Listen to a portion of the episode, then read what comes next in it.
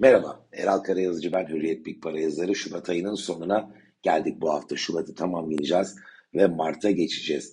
Geçen haftadan bu haftaya devreden ne var derseniz bence en öne çıkan faktör Cuma günü Amerika seansında tahvil faizlerinde gördüğümüz sert geri çekilme oldu. 10 yıllık Amerikan tahvili üzerinden e, bunu e, ifade edelim dersek 4.35'e kadar yükselmişti Cuma günü. Fakat kapanış 4.25'te gerçekleşti. Bugün Asya seansında da yine geri çekilme sürüyor. Faiz 4.23'te. Oysa Aralık ayında tam Noel arifesinde biz 3.80'e kadar gerilediği bir tablo görmüştük. Sonrasında 2 aylık bir parkur faiz 50 bas puan yukarı gitmişti. Bence cuma günkü fiyatlama öne çıkan böyle çok kuvvetli bir manşet de yok. Bu daha değerli zaten herhangi bir büyük faktör değişikliği olmadan kendi dinamikleriyle e, bir fiyatın yukarı gitmesi e, çünkü tahvilde faiz aşağı gelince fiyatlar yukarıya gidiyor. Daha devamlı gelmeye aday kıymetli bir hareket. Yurt içine dönelim. Yurt içinde e, Borsa İstanbul'da o 305 dolara ulaşmayla birlikte bir frene basış var.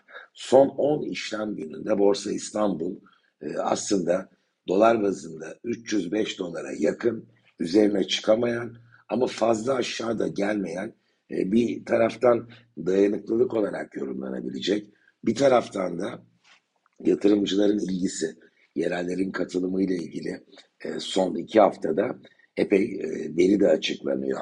Buna rağmen yukarıya gidemeyişi bir patinaj olarak da yorumlamak mümkün. Hangi açıdan, hangi pencereden baktığınıza bağlı. Ama şu bir gerçek, biz e, güçlü bir değer artışı kaydetti. Geçen yılın sonunda e, 253 dolardı kapanış. 305 dolara ulaştı ve bu 300 dolar civarında e, Borsa İstanbul 10 işlem gününü yatay bitirdi. Ne tarafa doğru bu hareket yön değiştirecek?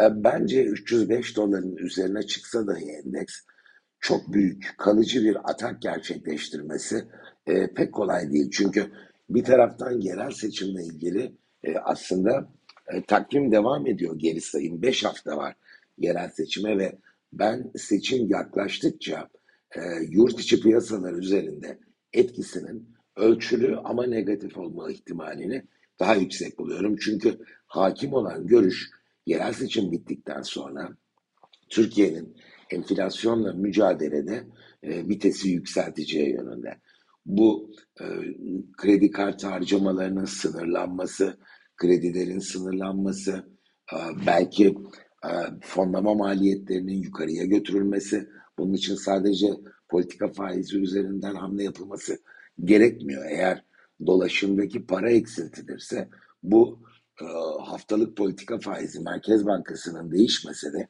aylık mevduatı yukarı götürebilir.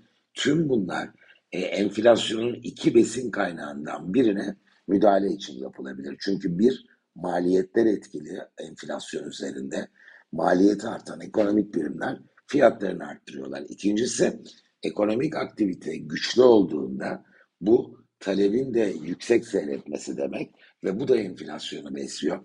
İşte ben e, bu faktörü göz önüne alarak bardağın boş tarafını e, belli bir yatırımcı grubunun ki özellikle e, temel dinamiklere önem veren yatırımcılar diyelim bunlara e, alış ordinolarında daha nazlı, satış ordinolarında daha e, cesaretli olmaları gibi bir sonuç yaratabileceğini düşünüyorum.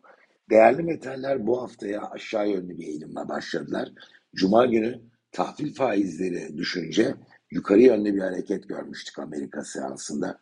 Tahvil tarafında ben bir yön değişikliğinin e, artık bir süre yine faizlerin düşüş yaşayacağı bir yön değişikliğinin gerçekleşmiş olma ihtimalini yüksek bulduğum için önümüzdeki süreçte değerli metallerin altın ve gümüş özellikle yukarı yönde bir e, seyre zemin kazandıklarını düşünüyorum.